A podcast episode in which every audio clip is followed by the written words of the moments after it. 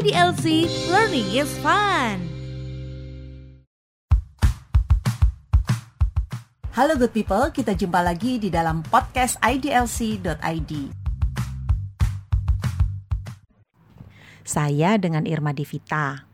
Hari ini saya akan membahas bersama dengan Mas Anggara Suwahyu SHMH, seorang advokat yang aktif mengikuti berbagai perubahan peraturan yang ada di masyarakat. Akhir-akhir ini terdapat banyak tumpang tindih atau hiperregulasi yang di, uh, terbit di Indonesia. Bahkan PSHK atau Pusat Studi Hukum dan Kebijakan Indonesia mencatat pada masa pemerintahan Presiden Joko Widodo hingga November 2019 telah terbit 10.180 regulasi dengan rinciannya 131 undang-undang, 526 peraturan pemerintah, 839 peraturan presiden dan 8.684 peraturan menteri. Kondisi tersebut mendorong untuk diadakannya perubahan atau revisi terhadap Undang-Undang Nomor 12 Tahun 2011 tentang pembentukan peraturan perundang-undangan yang diajukan oleh PSHK. Di mana perubahan tersebut diharapkan dapat menjadi dasar hukum tata kelola regulasi dan sistem regulasi di Indonesia untuk mewujudkan sistem peraturan perundang-undangan yang lebih baik. Nah, wacana tersebut bahkan ditambah lagi dengan rencana dibuatnya Omnibus Law yang dianggap dapat menyederhanakan ribuan pasal dalam berbagai peraturan menjadi lebih simpel. Sebenarnya tumpang tindih peraturan tersebut tentang apa saja sih? Dan apa dampaknya terhadap pengaturan dan kehidupan bernegara? Khususnya terkait yang kita hadapi di masa COVID-19 ini. Mari kita hubungi Bapak Anggara Suwahyu melalui line telepon karena sampai saat ini masih berlaku PSBB atau physical distancing di Jakarta. Halo, selamat Halo. pagi Mas Anggara. Pagi, siang. Oh, siang. Waduh, kalau misalnya 10 -10. misalnya WFH ini sebetulnya nggak pakai pagi atau siang ya, kita 24 jam ya. Enggak sih, enggak juga. kan salah satu WFA itu salah satu poin pentingnya adalah menetapkan jam istirahat. Oke, menempatkan yes. kapan yang terbaik gitu ya Mas ya. Iya, harus sama kayak seperti bekerja. Betul. Nah, gini nih Mas Anggara nih. Sekarang nih kan uh, kondisinya kita semua lagi pada WFH nih, terus kemudian hmm. juga ada PSBB. Hmm. Akibatnya ini kan kadang-kadang kita ini bingung, kadang-kadang hari ini uh, peraturannya yang keluar uh, boleh apa jalan tol ditutup. Terus tahu ada bantahan lagi, jalan tol dibuka gitu. Sebetulnya itu hmm. tidak benar gitu loh, uh, Mas. Hmm. Terus udah gitu juga ada aturan bahwa DKI mau lockdown. Eh ternyata enggak, enggak jadi lockdown. Kalau mau minta lockdown harus minta izin sama Menteri Kesehatan. Nah, ini kan jadi akhirnya uh, semacam ada tumpang tindih nih Mas Anggara nih hmm. di dalam uh, pembuatan regulasi. Nah, hmm. sekarang ini nih yang dimaksud sebetulnya tumpang tindih itu kayak gimana ya, Bang ya? Tumpang tindih itu kan misalnya sebetulnya kan terminologi umum ya tentang hmm. satu hal itu diatur oleh banyak aturan. Hmm. Uh, itu sebenarnya tumpang tindih dan tumpang tindih regulasi itu uh, dalam masalah keilmuan itu salah satu tanda dari negara yang korup. Waduh, serem amat mas. Itu, ya memang begitu. Negara yang korup itu isinya belantara peraturan. Oke. Okay. Jadi itu salah satu tanda dari negara korup sebetulnya dan dan ini bukan hal baru sebetulnya zaman zaman VOC ya zaman mm -hmm. VOC masih mm -hmm. ada itu mm -hmm uh, eh, VOC sempat mengalami tumpang tindih peraturan dan mereka bingung mana mata aturan yang masih berlaku, mana yang tidak. Dan jejaknya sebetulnya masih bisa dilihat. Oh gitu. Jejak jejak ini ya, jejak uh, jejak tumpang tindih aturannya ya. Mm-hmm. Kalau di, kalau kita pergi ke Museum Sejarah Jakarta atau Museum Fathahillah, mm-hmm. itu ada lemari yang besar sekali. Mm-mm. Dan di situlah semua peraturan itu ditaruh. Oh, oke. Gitu. Kapan-kapan berarti harus ke sana kita lihat ya sebagai ahli hukum ya, ya Mas ya. Iya, Saya ke cuman jejak lihat itu loh Mas penjara bawah airnya itu dan cerita serem di situ. Oh Cuman enggak, ada ada ada Oke. ada ada ada sejarah hukum di museum tersebut yang nggak banyak orang cukup tahu atau misalnya Mm, mm, mm, mm. eh, para eh, kelompok masyarakat hukum tidak banyak tahu bahwa ada sejarah hukum yang sempat ada di di museum tersebut karena nggak banyak cerita soal itu juga sebetulnya. Hmm, oke, oke, oke. Nah, terus gimana nih Mas kalau misalnya terjadi tumpang tindih itu sebaiknya seperti apa? Karena ini nih contoh konkretnya kan kalau kayak di masa pandemik in- COVID-19 ini kan semua pada pada bingung ya, kayak butuh pegangan, butuh butuh semacam ini yang benar yang mana gitu. Nah, itu Hmm. sebetulnya gimana ya Mas ya sebaiknya Mas? Eh, jadi kan ada ad- jadi ada dua hal kalau kaitannya sama pandemi ini. Satu soal eh, pernyataan para pejabat yang yang terlampau terburu-buru. Mm-mm. Eh, dan kedua soal regulasinya itu sendiri. Nah, kalau pernyataan pejabat yang terlalu terburu-buru itu kan memang kayaknya eh, ciri khas pejabat plus 62 kali ya. Oh, jadi udah ciri khas. Itu udah udah dari dulu berarti ya, Mas ya? Kayaknya udah dari dulu Oh, atau udah dari dulu. min- atau kalau dulu minta petunjuk Bapak Presiden kan. Kalau sekarang terlampau terburu-buru karena eh, apa namanya? eh, mungkin kaitannya dengan merak- merebaknya media sosial dan lain sebagainya. Iya, iya, Nah, iya. itu eh, terlampau terburu-buru mengucapkan pernyataan tersebut. Nah, eh, padahal seharusnya eh, bisa dengan jawaban-jawaban normatif yang tidak perlu kemudian membuat persepsi orang mengarah kepada sesuatu hal misalnya. Nah, yang Hmm. kedua soal Mm-mm. regulasi yang tumpang tindih. Saya kasih contoh misalnya soal Mm-mm. eh, ojek. Iya. Ojek itu kan dalam dalam dalam aturan terkait dengan pembatasan sosial berskala besar Mm-mm. yang atau sepeda motor ya tidak boleh digunakan oleh dua orang. Iya, Dia betul, hanya betul. boleh sendiri karena kendaraan pribadi juga hanya boleh 50% dari kapasitasnya kan. Nah, mm.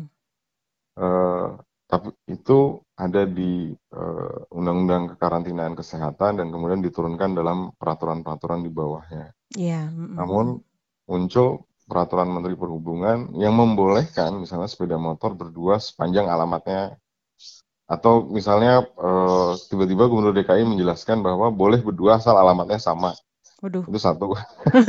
itu gimana caranya? Mungkin meriksa KTP. Meriksa KTP, aduh pusingnya Nah, nota apa namanya polisi pada saat ini ya. Yang kemudian Heeh. yang kedua eh, Permenhub menjelaskan bahwa Mm-mm, untuk oj- untuk sepeda motor yang digunakan untuk kepentingan komersial seperti ojek mm-mm. itu boleh mengangkut penumpang. Nah, Ini kan Hmm, ada dua regulasi yang sebetulnya eh, mm-mm, kedudukannya sama, mm-mm, ada yang kedudukannya sama, mm-mm. tapi ada juga yang kedudukannya berbeda dan dia bertentangan dengan eh, peraturan yang lebih tinggi. Nah, ini Hmm. memang memang harus dicari sih sumber masalahnya tuh menurut saya sumber masalahnya apa ya? Tapi kalau menurut saya sih karena eh, sumber masalahnya adalah kurang kreatif aja para pejabat hukum itu Kok dalam kurang kreatif. Mas, istilahnya? Eh, Apa bukannya gini, kurang koordinasi istilahnya? Lebih cocok. eh, enggak sih, kalau menurut saya kurang kreatif. Karena gini, Mm-mm. misalnya dalam membuat satu kebijakan tentang eh, misalnya soal soal transportasi umum misalnya, mm-mm, kan harus ada semacam blueprint.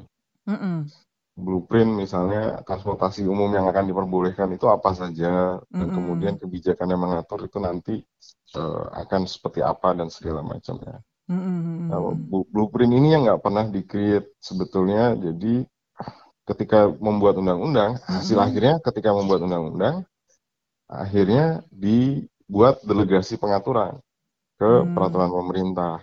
Dan ketika sampai di peraturan pemerintah, masih bingung juga kan, Iya, apa nih benar. nanti harus diatur. Sehingga di- dibuat delegasi sampai jauh sekali, Mm-mm. bahkan ada eh, yang namanya peraturan dirjen. Sampai SE loh, Mas. SE aja bisa ngerubah undang-undang, coba bayangin. nah ya itu dia kan, artinya kan eh menurut saya kurang kreatif Iya, karena iya. ketika menciptakan suatu norma mm -hmm. itu tidak dipikirkan secara lebih detail. Karena saya nggak tahu sih, tapi mungkin karena doktrin sejak SD ya bahwa peraturan uh, dari SD kan kita diajari bahwa undang-undang dasar itu sebaiknya ringkas supaya gampang lah kira-kira begitu ya. Dan mm -hmm. generasi itu kan yang sekarang memimpin negara ini. Generasi yang dikasih doktrin itulah yang memimpin negara ini. Iya iya iya betul betul betul. Sehingga mereka memang tidak punya uh, kreativitas untuk melihat Eh, persoalan-persoalan di tingkat teknis. Yeah. Uh, dan yang kedua, uh, kalau saya melihatnya ada yang mendasar sih sebetulnya. Apa itu mas? Kan kira-kira mas? Kan undang-undang dasar hanya menjelaskan bahwa pembuatan undang-undang itu mm -hmm. uh, dilakukan oleh pemerintah, eh, presiden dan DPR ya, bukan mm -hmm. pemerintah, oleh presiden dan DPR. Mm -hmm. Tapi undang-undang dasar tidak menjelaskan apakah kewenangan membuat peraturan mm -hmm. itu lebih banyak ada di pemerintah Hmm. Jadi kalaupun lebih banyak ada di pemerintah, sampai batas mana pemerintah itu boleh menerbitkan suatu peraturan. Iya, iya.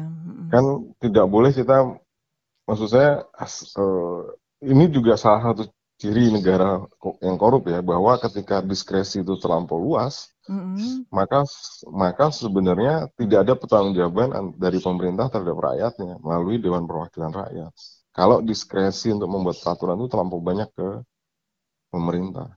Hmm. Karena diskresi itu hmm. tidak boleh digunakan secara serampangan ya, karena dia harus ada ada dasarnya, harus hmm. ada dasar hukum yang mengatur dan segala macam. Sayangnya undang-undang pembentukan peraturan perundang-undangan hmm. itu memuat banyak sekali tingkat tingkatan regulasi hmm. dari undang-undang dasar, kemudian ada TAP MPR, hmm. kemudian ada undang-undang, terus peraturan pemerintah, undang-undang atau perpu, kemudian ada peraturan pemerintah dan terus sampai ke peraturan kementerian atau lembaga.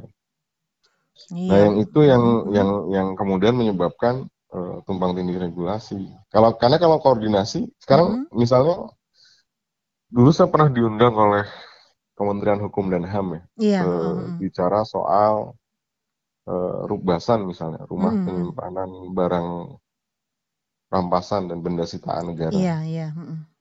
Nah itu eh, pengaturannya tuh kan di PP pelaksanaan KUHAP sangat singkat pengaturannya. Iya. Nah usulan di di forum itu adalah mm -hmm. uh, membuat pengaturan yang lebih detail detail di Perpres oh, peraturan presiden. Okay. Mm -hmm. Saya hanya bertanya sederhana sih, apa bedanya sih peraturan presiden dan peraturan pemerintah? Mm-hmm, Toh nah, cara pembuatannya mm-hmm. sama rumitnya, karena ada harus ada koordinasi antar kementerian lembaga. Iya betul betul. Jadi bagaimana kita membedakan suatu aturan itu sebaiknya ditaruh di peraturan pemerintah atau peraturan presiden pun nggak ada caranya. Mm-hmm. Iya, gitu. Iya. Atau kenapa harus ditaruh di peraturan menteri? Kenapa nggak di peraturan pemerintah misalnya? Atau kenapa nggak di peraturan presiden misalnya? Nah. Bagaimana cara membedakan suatu hmm. norma itu seharusnya ditaruh di mana? Hmm. Itu karena terlampau banyak jenis peraturan, sehingga koordinasi jadi sulit. Iya, konon makan katanya PSHK sudah mencatat sampai November 2019 saja ada 10.180 regulasi yang terdiri ya, dari oh, 131 persennya di permen kan. Undang-undang iya, 8.684 peraturan menteri. Waduh, nah, hebat itu. banget nih. Nah, artinya kan mm -mm. itu sesuatu yang harusnya mm -mm. di zaman VOC itu dipangkas. Hmm. Jadi akhirnya mereka menciptakan statuta Van Batavia Nah. Jadi ketika mereka bingung, mm-hmm. peraturan mana itu, mereka iya. bikin tim ahli. VOC membuat tim ahli untuk mengkodifikasi semua peraturan itu dalam bentuk statuta Batavia. Hmm. Statuta Akhirnya Batavia mereka, itu gimana itu, Mas? Apakah sama sama Omnibus Law yang lagi benar-benar di apa istilahnya digalakkan atau di lebih mirip kayak KUHP deh, KUHP, oh, KUHP okay, data. Oke, okay, oke. Okay. Uh, karena ada hmm kita sendiri nggak pernah maksudnya gini sebagai saya sebagai sarjana hukum ketika belajar hukum mm-hmm. tidak pernah kan diajari soal peraturan-peraturan yang ada di zaman Belanda atau sejarah hukum ketika oh, iya, masa VOC iya. dan mm-hmm. itu sebetulnya berbahaya loh karena kita nggak mengetahui juga dulu praktek dulu itu pernah kita miliki atau tidak. Hmm, menarik juga nih Mas jadinya Mas. Jadi Ya, sebetulnya apa bedanya statuta Van Batavia dengan adanya KUHP ataukah KUH Perdata ataukah KUHP Mas? intinya kan sebetulnya mereka berupaya Mm. meniadakan Mm-mm. tumpang tindih regulasi itu. Mm-mm. Jadi ketika satu satu peristiwa itu hanya Mm-mm. diatur oleh satu norma Hmm, oke. yang berlaku secara umum. Mm-mm. Nah, eh, itu yang kemudian itu juga akan mempermudah para praktisi hukum kan, baik di kejaksaan, Betul. hakim atau advokat atau bahkan notaris sekalipun. Betul, betul Mas. Nah, itu yang yang yang yang itu tidak bisa dengan metode om- omnibus karena pertama Mm-mm. bahkan kalau lihat RUU Cipta Kerja atau RUU-RUU yang dianggap sebagai RUU omnibus tersebut itu Mm-mm. masih mensyaratkan ada pengaturan lebih rendah. Jadi Hmm. RUU omnibus itu tidak akan menjawab sebetulnya eh, tumpang tindih regulasi tersebut dan tidak Hmm. akan menjawab atau mengeliminir tanda negara korup itu. Karena kalau itu masih didelegasikan lagi ya buat apa? Bikin omnibus itu. Iya, benar. Nah, sekarang apa sih sebetulnya yang mendasar perbedaannya statuta Batavia ataukah kita bikin semacam kayak dulu tuh kan pada waktu tahun 60 tuh kan hukum tanah di Indonesia ini kan ada berbagai jenis hukum tanah bahkan ada dari hukum adat, ada dari tanah Belanda dan sebagainya. Nah, itu Hmm. dikodifikasi menjadi hukum tanah nasional. Nah, Hmm. apa bedanya dengan eh, omnibus dan kenapa omnibus ini sepertinya jadi orang tuh alergi gitu loh, kayak berbahaya, suatu hal yang berbahaya gitu loh, Mas. Karena gini, Mm-mm. omnibus itu mencampur adukan semua isu hukum. Beda kan ketika hukum tanah itu Mm-mm, mm-mm, hanya soal tanah toh mm-mm, yang diatur. Mm-mm. kodifikasi perkawinan hanya soal perkawinan yang diatur. Iya, Sementara betul. omnibus ini mengatur semua hal. Hmm, jadi titik poin-poinnya di dari situ ya, Mas ya. Iya, karena misalnya kalau kita bicara undang-undang tenaga kerjaan itu salah Mm-mm. satu undang-undang yang paling lengkap sebetulnya, mengatur dari A sampai Z. mm-mm, mm-mm, Jadi buat apa kemudian beberapa aturannya mm-mm, di- diambil dan ditaruh di eh, RUU Cipta Kerja misalnya? Ya mm-mm, sudah buat aja undang-undang tenaga kerjaan baru sehingga kita bisa fokus terhadap eh, satu isu tertentu misalnya. A- apakah apakah misalkan kita bikin eh, misalkan eh, omnibus omnibus khusus cipta kerja itu hanya untuk lapangan kerja ataukah untuk ketenaga kerjaan saja itu ada kemungkinan bisa diterima? Jadi kita langsung kalau nggak salah kan eh, sempat ada suatu wacana memang omnibus law itu akan mengatur 11 sektor kan mas 11 Ya, dan sektor. makanya Mm-mm. itu yang saya bilang bahwa Mm-mm, mm-mm, sebaiknya mm-mm, RUU kodifikasi, saya nggak menyebutnya omnibus ya, tapi misalnya mm-mm, kalaupun mm-mm, pemerintah berniat melakukan kodifikasi, maka mm-mm, mm-mm, langkah pertama adalah menyederhanakan eh, tingkat peraturan. Itu mm-mm, nggak mm-mm. boleh lagi ada peraturan di bawah peraturan pemerintah, Hmm, oke oke. Menarik menarik. supaya tidak Mm-mm, ada mm-mm, tumpang tindih aturan di tingkat yang lebih rendah. mm-mm, Jadi mm-mm, itu syarat pertamanya, mm-mm, dan syarat keduanya, kalau membuat RUU kodifikasi, maka hanya satu isu saja yang dibahas. Misalnya mm-mm, soal pajak, ya mm-mm, sudah pajak saja, mm-mm, pajak mm-mm, buat mm-mm, usaha kecil, pajak buat segala macam, ya bicara soal pajak. Iya, Karena kadang-kadang kita kalau lagi tidur, tahu-tahu udah ganti peraturannya. nah, dan kita yang mengganti itu kan lewat peraturan Menteri Keuangan. Iya, kadang-kadang kita juga sampai bingung loh. Kita yang sebagai praktisi, kita mau netapkan misalkan hari ini kita itu boleh. Terus besok Toto itu nggak boleh loh ternyata sebenarnya. Waduh, parah banget. Ya, nah itu Susah, kan ya susah loh Mas itu Mas. memang harus Heeh. memang syaratnya harus dikodifikasi ya. Dan Heeh, kemudian heeh, kedua, heeh, heeh, heeh. karena kita menganut eh, undang-undang dasar kita menganut pada eh, azas desentralisasi kekuasaan atau Mm-mm, pemerintahan, mm-mm. maka ada bagian-bagian yang sebenarnya bisa diserahkan pada pemerintah daerah. Seperti apa Misalnya, misalnya Mas? Mm. misalnya buat eh, salah satu kewenangan yang tidak akan pernah didesentralisasi itu kan cuma lima kan, luar negeri, mm-mm, pertahanan, eh, hukum, mm-mm, eh, ekonomi dan fiskal, mm-mm. Serta agama. Hmm, oke. Hanya lima itu. mm-mm, Nah, mm-mm, sisanya itu bisa disentralisasi ke daerah. mm-mm, Eh, dengan berbagai derajat ya, mungkin ada yang cuma 20%, ada yang mm-mm, sampai mm-mm, 90%. Nah, mm-mm, saya kasih contoh misalnya, ini terkait juga sama politik ya, misalnya dengan pariwisata saja. Kenapa harus buat Kementerian Pariwisata? sudah saja itu kasih kewenangan mengatur soal pariwisata di daerah. Nah, biarkan Pemda yang mengatur soal pariwisata Di eh, daerahnya aturan- sendiri. di daerahnya sendiri. Mm-mm, Dan mm-mm, mm-mm. dan itu tidak membuat beban yang berlebih ke pemerintah pusat bahwa ada Hmm. peraturan yang berbeda-beda Mm-mm. ya biasa saja kan maksudnya itu Mm-mm, hal yang biasa mm-mm, karena tiap daerah punya kekhasan sendiri dan segala macam. Iya, Kita iya, tidak iya. perlu terlampau khawatir dengan eh, perbedaan tiap-tiap daerah. Yang perlu Mm-mm. kita khawatirkan kan soal ketidakajekan eh, perubahan itu karena bisa Mm-mm, jadi perubahannya sangat cepat. Mm-mm. Padahal pelaku usaha perlu situasi yang lebih ajak dan segala macam. mm-mm. Sama Nah, kayak yang KUHP ya Mas ya. Ya, nah misalnya kayak KUHP kan mm-mm. Salah satu isunya soal unggas yang berkeliaran. Iya benar. Nah itu Di Jakarta nggak bakalan mungkin itu terjadi kasus nggak itu nggak gitu nggak kan. menjadi. Nah, jadi KUHP kita kan terdiri atas buku satu, buku dua, dan buku tiga. Buku Iya tiga itu iya iya. pelanggaran-pelanggaran. Mm-mm, Nah, perumus RKUHP me- menghilangkan buku tiga ini dan menyatukannya dalam eh, buku dua tindak pidana. Satu, buat saya tuh langkah yang sama sekali tidak bijak karena berarti urusan-urusan yang pelanggaran itu mau ditarik semua ke pemerintah pusat. Padahal Mm. tidak semua urusan-urusan yang kaitannya sama pelanggaran Mm-mm. itu eh, perlu diatur oleh pusat. Karena tidak semua Mm. seragam ada. Misalnya soal unggas saja, itu kan Mm-mm, hanya di daerah-daerah yang kabupaten misalnya ya. Iya Tapi iya. daerah kota itu sepertinya nggak ada. Iya. Terus misalnya ada soal ahli nujum. KUHP kita ngatur ahli nujum. Oh, santet.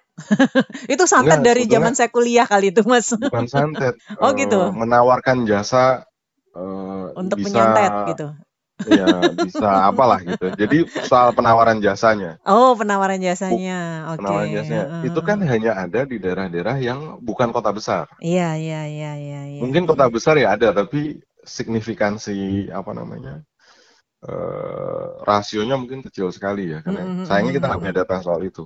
mm-mm. Nah itu bisa diatur di daerah. Mana daerah-daerah yang Hmm. problem eh, dulu saya singkat saya kalau naik kereta api itu suka ada majalah apa ya majalahnya majalah tua tuh katanya majalah yang dari udah lama terbit dan sampai sekarang masih ada itu isinya iklan santet guna-guna Oh segala iya. macam Oh ada iya, itu baru tahu nih. baru tahu. Naik kereta api apa itu, Mas?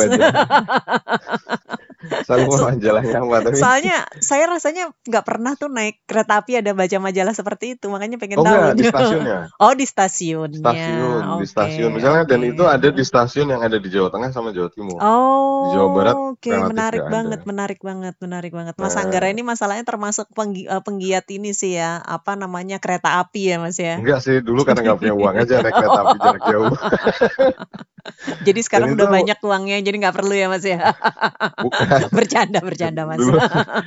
ya eh, jadi penawaran jasa itu kan Heeh, heeh. kalau melihat majalah itu hanya tersirkulasi misalnya di Jawa Timur dan Jawa Tengah Mm-mm, ya mm-mm. berarti aturan soal menawarkan jasa santet itu cukup diatur di Perda di Jawa Tengah dan Jawa Timur tidak perlu ditarik ke tingkat Pusat. nasional ya jadi ada prinsip-prinsip konstitusi dalam pembuatan undang-undang juga harus di- dilihat seperti Mm-mm. desentralisasi ya dan ada prinsip-prinsip konstitusi yang memang kita harus pertanyakan ulang sejauh mana sih Hmm. pemerintah berdasarkan konstitusi memang boleh membuat peraturan sendiri tanpa melibatkan DPR Hmm. itu yang nggak pernah ada pertanyaan itu kan pertanyaan besar Mm-mm, itu tidak pernah terjawab eh, oleh para sarjana hukum mm-mm. seolah-olah itu dianggap sebagai taken for granted gitu dari dulunya udah ada ya begitu Mm-mm, aja mm-mm, mm-mm. Hmm. Padahal setiap setiap aturan yang berdampak terhadap masyarakat, prinsip konstitusi adalah harus dengan persetujuan DPR. Hmm. Nah, ada ya, terkait dengan prinsip desentralisasi juga ada masalah kan? Karena ada peraturan bupa, gubernur, bupati, dan wali kota. Padahal berdasarkan undang-undang dasar yang disebut pemerintah daerah adalah kepala daerah dan DPRD. Jadi bukan kepala daerah toh. Iya betul betul betul Nah, banget. pertanyaannya boleh nggak sih gubernur mengeluarkan peraturan sendiri? Menurut saya nggak Mm-mm, boleh karena konstitusi tidak mengatur mm-mm. pemerintah daerah itu ya hanya kepala daerah, tapi pemerintah daerah itu kepala daerah dan DPRD.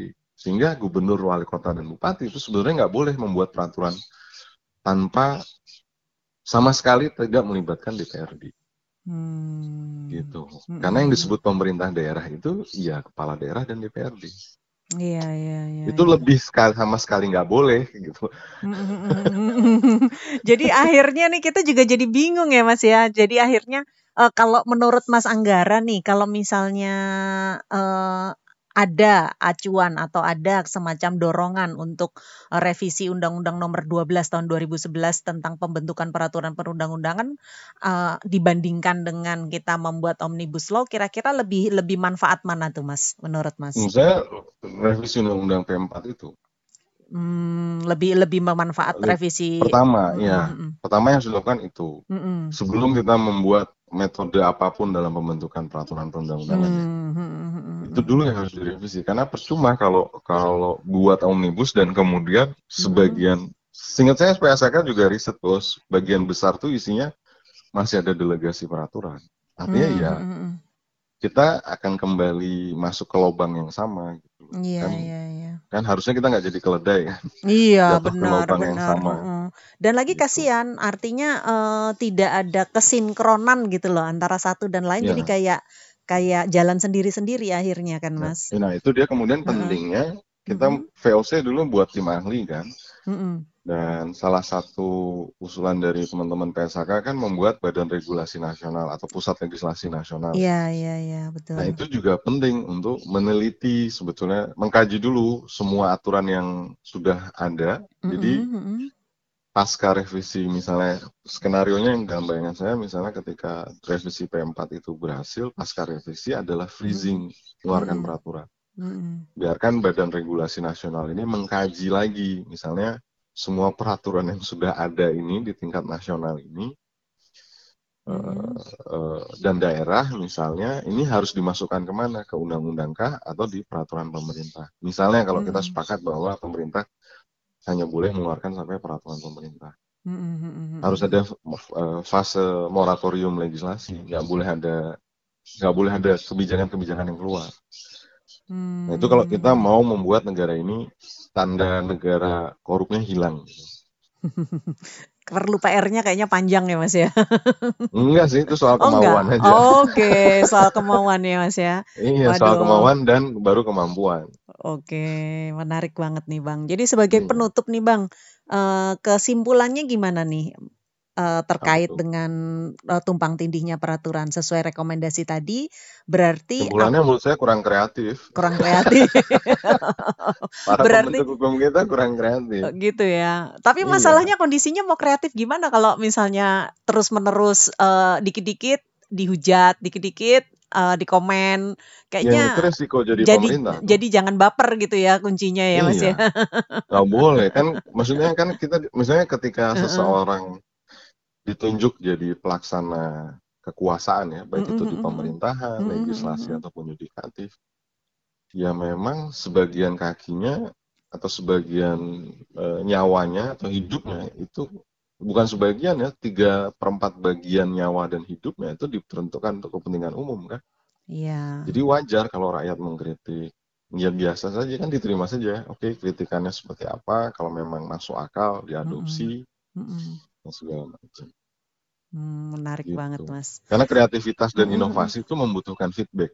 Iya iya iya. Kalau iya. nggak ada feedback itu bukan kreativitas dan inovasi, itu otoriter namanya. Tapi kayaknya apa nggak merasa perlu sedikit otoriter mas supaya nggak terlalu bikin baper gitu setiap kali ada bikin apa di komen, setiap ada bikin apa Eh, di komen. jadi gitu. ada, jadi gini, Mm-mm. eh, apa namanya? eh, dalam satu sisi mungkin untuk kecepatan penting ya, Mm-mm, mm-mm, mm-mm, tapi memastikan bahwa kedaya gunaannya sesuai mm-mm. itu justru membutuhkan feedback. Oke, menarik. Kan undang-undang kan tidak bun, bun- nggak atau peraturan itu tidak hanya butuh kecepatan membuat kan, tapi Iya betul betul kesesuaian dengan daya gunanya. betul betul Nah, betul. daya guna inilah yang membutuhkan feedback dari masyarakat. Jadi jangan menganggap bahwa kritik itu menyerang pribadi, tapi itu merupakan suatu reaksi yang eh, ya kalau misalnya Wajar. ya wajar gitu ya. Jadi Ya, supaya kan nggak baper seperti- gitu ya Mas ya. Sama seperti tubuh kan, Heeh, eh, ketika kita bayi dikasih berbagai vaksin kan. heeh. Nah, vaksin Panas. itulah kritik kan sebetulnya. betul. Supaya kitanya semakin sehat, semakin baik. Begitu juga dalam kehidupan bernegara. Hmm. Kritik itu harus dianggap sebagai vaksin supaya kehidupan bernegara kita semakin sehat. Hmm, gitu luar biasa. Oke, jadi sekarang kita harus menganggap semua kritik itu adalah vaksin supaya kita kalau, lebih kuat. Kalau jadi pejabat negara, kalau nggak jadi pejabat negara ya nggak usah, biasa aja. Kalau gitu. jadi blogger gimana, Mas? Lo sama kan maksudnya itu kalau saya dulu hmm. nganggep waktu awal-awal sih kok hmm. gini ya orang gitu ya. Tapi makin ke sini kan lihat itu sebetulnya supaya kita menulis jauh lebih baik kan. Lebih mau baik. jadi vlogger kah atau mau jadi youtuber youtuber semua kritik itu kan supaya kita bisa lebih baik kan iya iya karena iya. kita berupaya menampilkan karya nah karya itu dikasih masukan bahkan hmm. dalam bentuk yang paling pedas sekalipun toh pada hmm. dasarnya uh, bukankah lebih bagus kalau ada orang kasih masukan ketimbang kita udah teriak-teriak, oh saya punya inovasi ini loh, saya punya karya ini, tapi orang diem aja gitu. Siapa sih? Gitu. Siapa sih lo gitu? Oke, Mas Anggara, terima kasih sekali nih masukannya. Semoga bisa bermanfaat okay. untuk para pendengar dan juga jadi sumbang saran nih Mas buat uh, untuk pemasukan masukan dan pemikiran dalam pembenahan sistem regulasi di Indonesia ya Mas ya. Amin. Iya, salam untuk keluarga dan semoga ya. kita semua selalu sehat dan dalam lindungan Allah Subhanahu wa taala. Amin. Amin. Terima kasih Mas. Sama-sama. Assalamualaikum. Sampai ketemu lagi. Waalaikumsalam. Yo, bye.